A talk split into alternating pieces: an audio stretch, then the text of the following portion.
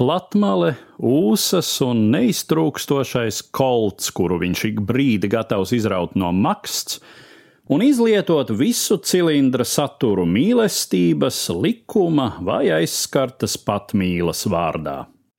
Tāds mums tēlojas tipisks aizpagājušā gadsimta vidus Amerikas mežonīgo rietumu varonis, un vairāku desmitu vēsturisku personu biogrāfijas apliecina, ka šim priekšstatam ir pamats.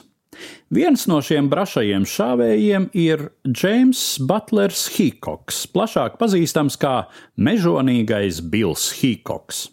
Epizode, kurā Hikoka raidītā lode laupīja dzīvību viņa labam paziņam Deivisam Tatam, ir pirmā dokumentāli fiksētā revolveru cīņa mežonīgo rietumu vēsturē, un tā notika Springfieldā 1865. gada 21. jūlijā. Laba šāvēja un nikna kaušļa slāvu Hīkoks iemantoja jau dzimtajā Ilinoisā, no kurienes viņš 1855. gadā, 18 gadu vecumā, nozuda pēc tam, kad kautiņā bija teju nositis savu pretinieku.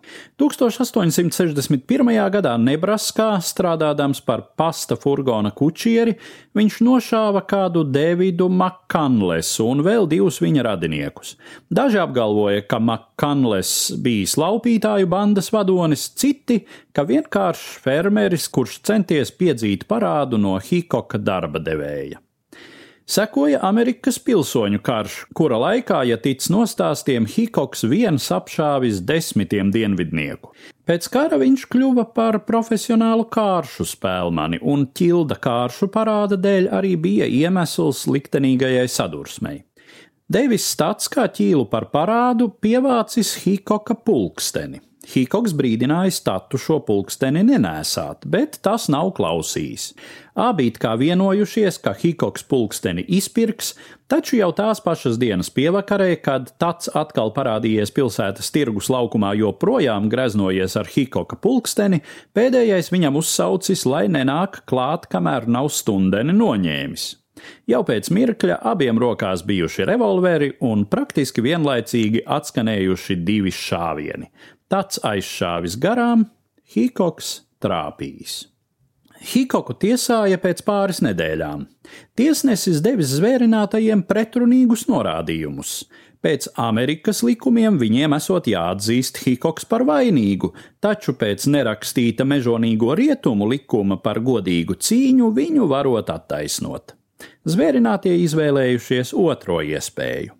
Tā nu Hikoks turpināja savas gaitas, gan pa laikam ieņemdams šerifa amatu, gan dienādams pārgalvīgā pulkveža Kastera kavalērijas vienībā, gan izmēģinādams sevi aktiera amploā, un pamanīdamies pa starpām nosūtīt uz viņu pasauli vēl vairākus līdzpilsoņus, no kuriem daži bija nepārprotami likuma pārkāpēji, bet citiem visticamāk vienkārši nepaveicās patrāpīties mežonīgā bilas stobra galā. Hikoka dzīves ceļš aprāvās 1876. gadā pie kāršu galda, kad kāds Džeks Makkols nenoskaidrotu iemeslu dēļ iešāva viņam pakausī, nogalinot uz vietas. Kāršu kombinācija, kas tobrīd bija Hikokam rokā, divi melni dūži plus divi melni astoņnieki, tika iesaukta par Deadman's Hand, ko varētu latviskot kā miroņstiķis stāstīja Eduards Liniņš.